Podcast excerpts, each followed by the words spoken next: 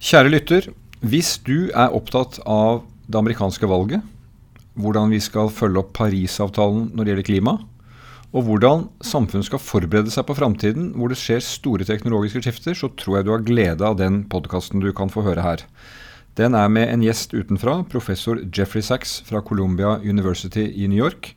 Han er rådgiver for FNs generalsekretær og en lang rekke regjeringer verden over, og en som har sterke meninger på disse eh, spørsmålene og mange flere. Så har du interesse for det, så lytt på Arbeiderpartiets podkast denne gangen med professor Jeffrey Sachs. Det begynner nå. Noe viktig er på gang. At ingen former framtida alene. Ingen skal ha kake før alle har fått brød. Du skal være en del av et fellesskap. Som har gått sammen og brøyta vei. Jeg er klar. Til sjuende og sist handler det om mennesker. Det handler om fellesskap.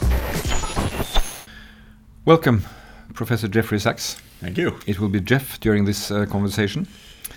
Uh, you are director of the Earth Institute at Columbia University, a long and impressive CV. We met when I was at the World Health Organization, and Dr. Brundtland and I were able to invite you to chair the Commission on Macroeconomics and Health, documenting the relationship between investing in health and what it would do to societies.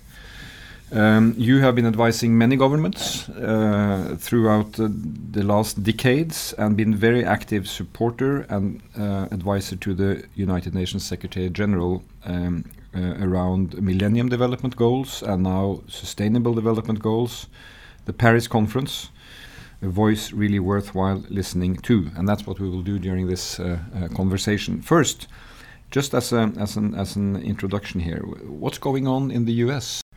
I think one uh, starting point to understand the U.S. is that when Americans are asked, is uh, our country on the right track?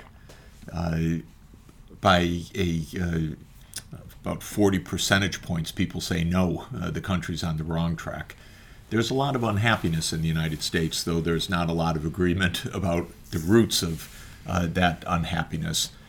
But basically, in, in the U.S., we've had now 30 years of widening income inequality.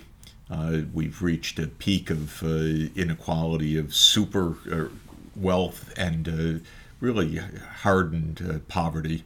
There's a lot of unhappiness about foreign policy because the U.S. has been engaged almost in continuous war for a generation, especially Afghanistan and the Middle East.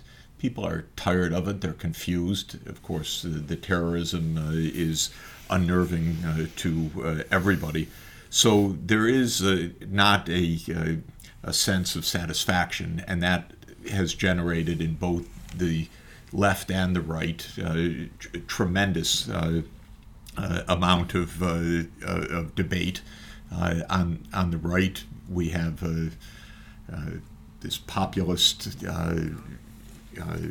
movement of, of Trump, which uh, is very uh, odd from U.S. Uh, political point of view. on the left, we have a debate between a centrist, Hillary Clinton, and a uh, more leftist, uh, I would say, social democrat. Uh, he calls himself a a uh, not a, a democratic socialist, uh, but I think he's just got the, the phrase reversed. He'd be a mainstream social democrat in the uh, in the European context, and that's a very interesting debate also uh, because uh, the Democratic Party to win power a generation ago under Bill Clinton basically sided with Wall Street and said we'll become a centrist market uh, finance backed mainstream party. and there's a lot of dissatisfaction uh, on left of center with how much the Democrats moved to the center and uh, gave up some of the more progressive uh, ideals. So we have this debate, but at the core of it is an unsettled feeling that uh, that the U.S. is not performing either in domestic or uh, foreign affairs the way that uh, people would like to see. But whoever wins, there will be a very divisive uh, outcome. I mean, uh, whoever candidate ends up there in, in, in, the end at the end of the year, the United States will be more divided than in, in a long time. The problem in the U.S. is not only division, but also the political institutions, which are not functioning uh, now. Uh, we really haven't had uh, government in the sense that uh, Europe knows it, where you have a, an executive branch that actually can command a majority in the parliamentary branch. And because we are a presidential system, not a parliamentary system, winning the presidency does not mean that one can pass legislation. That, of course, has been the Obama phenomenon. it will almost surely be the continuing phenomenon. Mm. Uh, there's talk that if uh, Hillary Clinton wins in a landslide, uh, maybe the Democrats would retake the Senate. But by the rules of uh, the U.S. Congress, you need 60 votes in the Senate to overcome a filibuster. That's very, very unlikely. Uh, and so, even if she were to win big and to win the Senate, it's likely the Republicans would dominate the House and the Democrats would not have a filibuster proof majority in the Senate.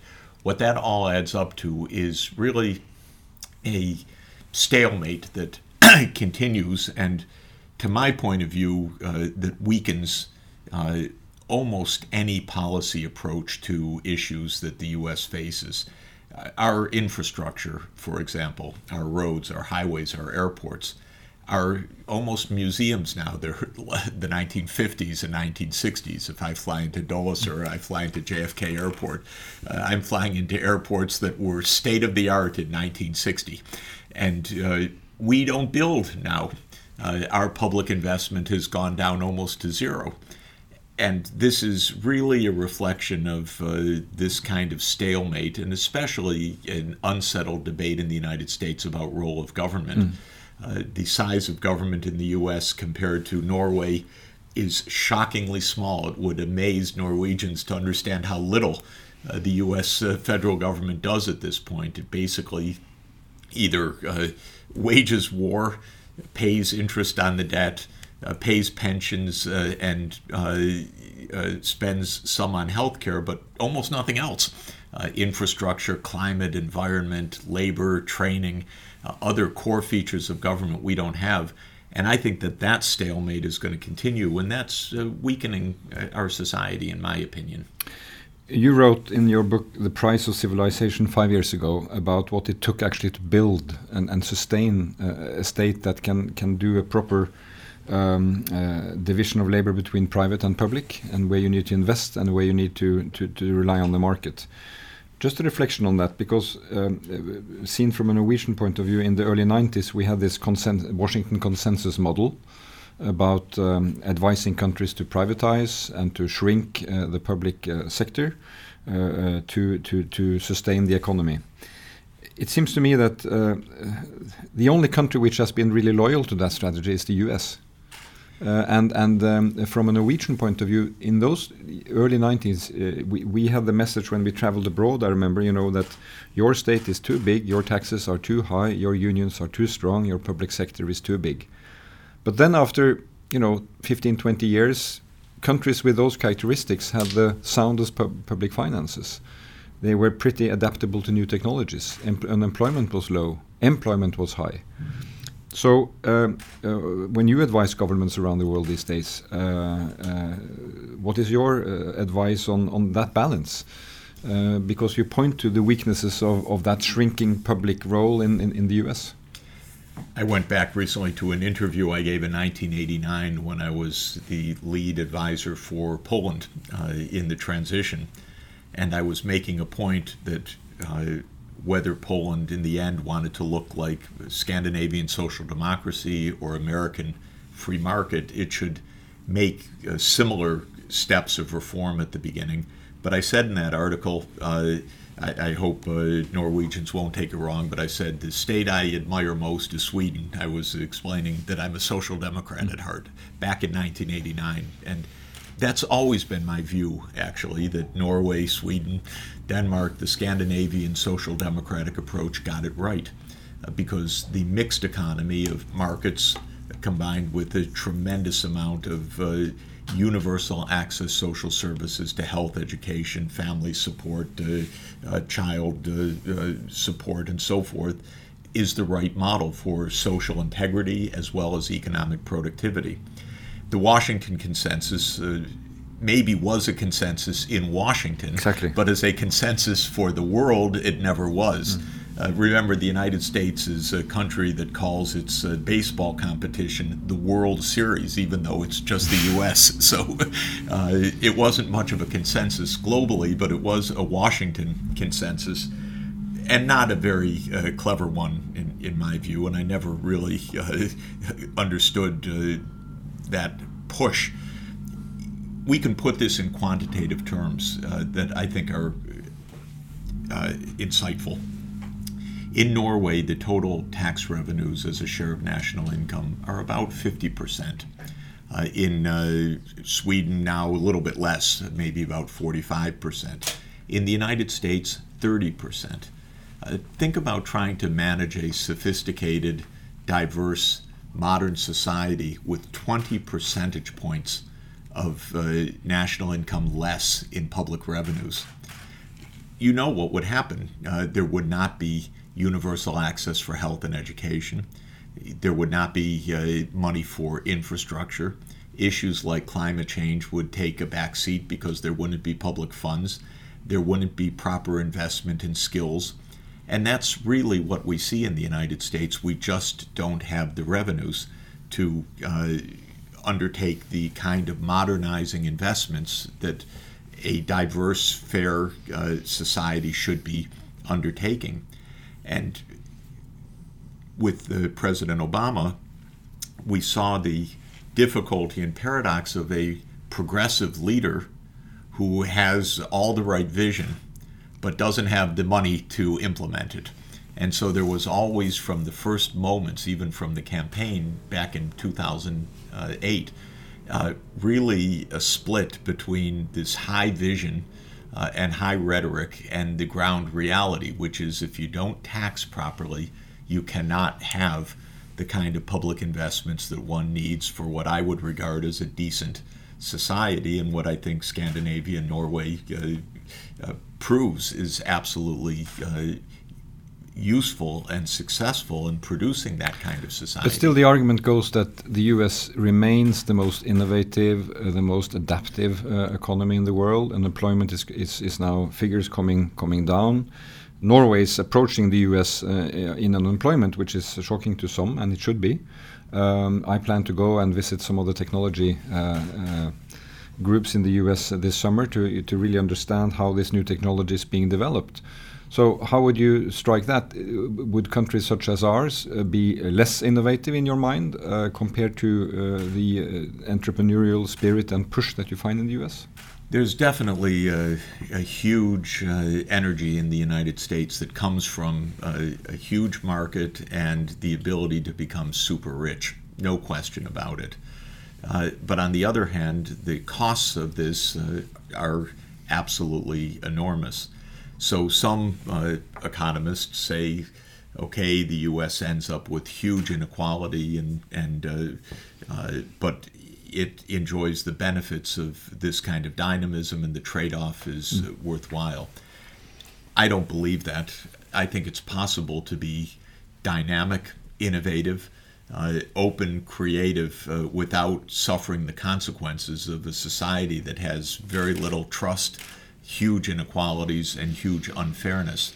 But what should one do in order to do that?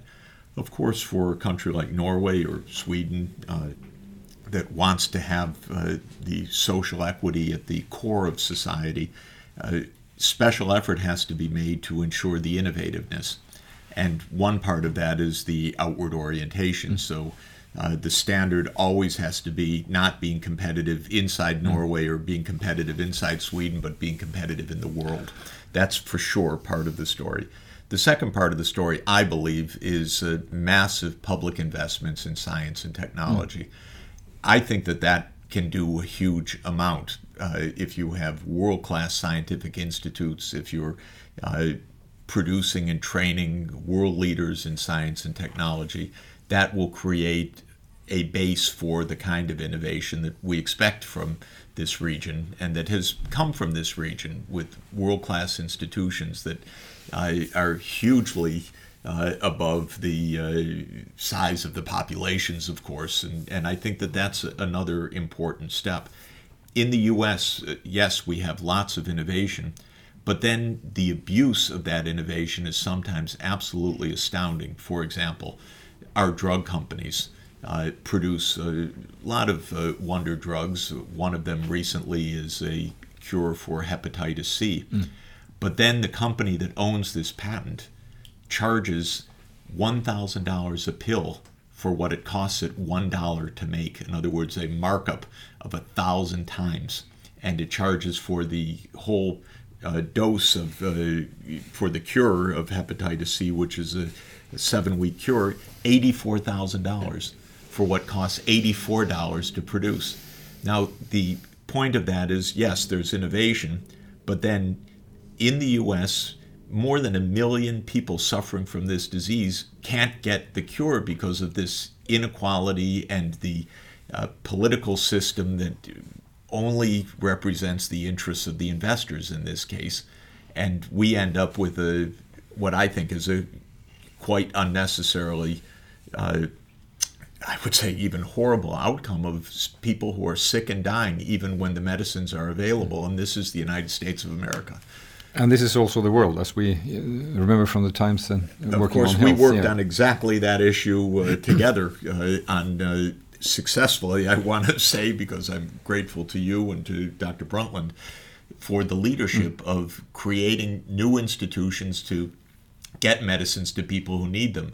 But when I see in my own country uh, this kind of shocking behavior. And incidentally, when I blogged about this uh, Gilead Sciences, which is the company that owns uh, this drug and abuses the American people, I got a tremendous amount of pushback from Wall Street analysts. What's the matter with you? That's how the market system works. So why do you care? What's wrong with this monopoly and so on? And it showed me how the morality is also really degraded when you live in a society where profit has been put as the ultimate measure.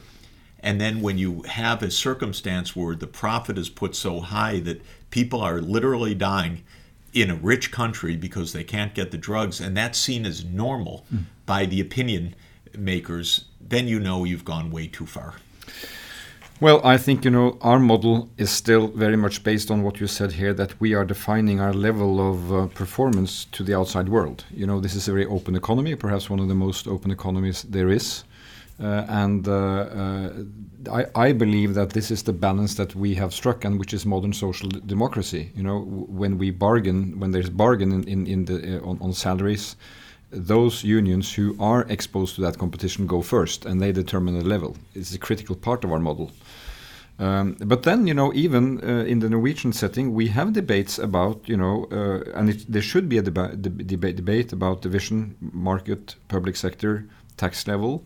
Uh, but as I see it, if we, when we look ahead, the, the challenges facing us, what we have to solve in terms of an aging population, technological shift, and not least the next theme that I like to come to, climate change and technological transformation, you will need a very resourceful state who is able to do the incentives and investments to make these transitions happen.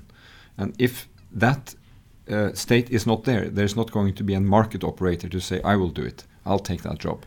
I think there's no question that one of the great challenges and great strengths of Norway, I must say, and I always uh, think of Norway specifically as the example of this, is the ability to look ahead and I remember when uh, um, Jens Stoltenberg was showing me, when he was prime minister at one point, tables uh, for the management of the sovereign wealth. Uh, that went out 50 years, and I could only marvel. In the United States, I don't know if we look ahead two, two years anymore. Uh, but here is a country that, of course, has uh, reached almost a trillion dollars of uh, assets by saving carefully from the oil and gas uh, reserves uh, of this country. And that's absolutely going to be vital because Norway is going to have to reinvent itself. Uh, the oil and gas world is changing fundamentally. And we see this uh, partly with the sharp fall of uh, oil and gas prices uh, worldwide in the last couple of years, and we see it with the Paris Climate Agreement. Uh, no matter what one thinks and no matter what one brazens out, like uh, in our country, ExxonMobil and Chevron, that say, oh, we just don't believe in these climate agreements. Uh, the fact of the matter is, the world is changing decisively, moving away from hydrocarbons. It's going to have to because we know that climate safety demands it. And Norway has uh, obviously uh, reaped a huge wealth from its uh, oil and gas. It saved a tremendous amount of it. And I think the terms of trade on oil and gas are not going to be in Norway's favor or in any uh, oil country's uh, favor in the future because we really have to move to a decarbonized uh, world. And planning ahead on how to do that is absolutely essential. We've had this discussion, and I know it remains uh, controversial here. I don't believe, for example, in Arctic drilling because I think when you look at the fact that we already have more than enough proved reserves of oil and gas around the world, uh, we're going to be stranding assets rather than developing new ones. And that's definitely, to use Al Gore's phrase, an inconvenient truth uh, that means that choices that Norway faces uh, are going to be different from what might have been thought five or ten years ago. I think that's right, and I think uh, uh, again the division of labor here is that uh, as the markets change and as demand will change, you will see changed behavior.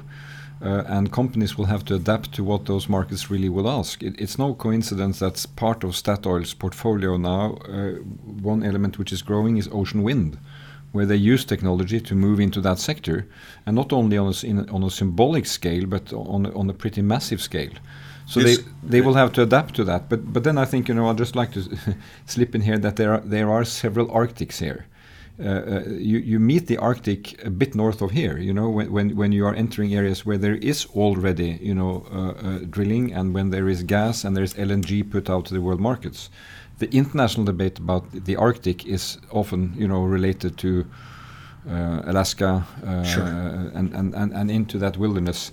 And I think, you know, clearly, uh, uh, if we move in that decarbonized direction, uh, markets is going to demand other uh, uh, energy resources. Norway, which is producing with low emissions, should continue to push emissions down and should, of course, continue to invest in new energy opportunities, which we happen to have. We are blessed with that. Uh, but uh, um, the extreme of that debate is to say, you know, let's close down in Norway and then we will have a more decarbonized uh, economy worldwide. I don't believe that's the case what I've been uh, uh, suggesting and helping to lead in the UN context is what we call deep decarbonization pathways. And again, the basic idea is look ahead. We know that by around 2070, we have to be a zero net emitting world economy. We have to get out of the carbon emissions world if we're going to stay below the two degrees C, which is the uh, rightfully the global upper limit seen by the scientists as really the dangerous threshold that we must avoid at all costs.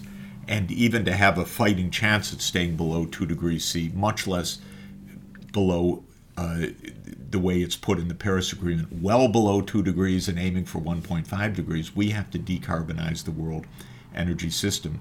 So every country needs a strategy that looks ahead not just five years, 10 years, or 15 years, but really uh, 40 or 50 years to the point where we're at net zero. Uh, Norway needs that, uh, the United States needs that. After the Paris Climate Agreement was signed in December, for the first time, I'm seeing the United States starting to think ahead on the scale of decades, not just on the scale of 10 or 15 years the U.S. has promised to produce a decarbonization scenario, or what they call, what we call, and they call a deep decarbonization scenario to 2050. For the first time ever, they're promising to do it actually this year. And with Statoil and, and uh, uh, offshore wind, I can only say hurry up because uh, if Statoil can make this technology work, the market is absolutely worldwide for this, including my region, the northeast of the United States, which has vast wind potential, but doesn't really have the technology yet and the uh, clarity of how to develop it adequately. So I'm rooting for Statoil. That could be absolutely a boom business of the future. Thank you, Jeff Jeffrey Sachs, uh, for being a, a very helpful uh, player at the drawing boards. Also, this one. Thank you, and uh, welcome back to Norway. Always great to be here, and great to be with you. Thank you.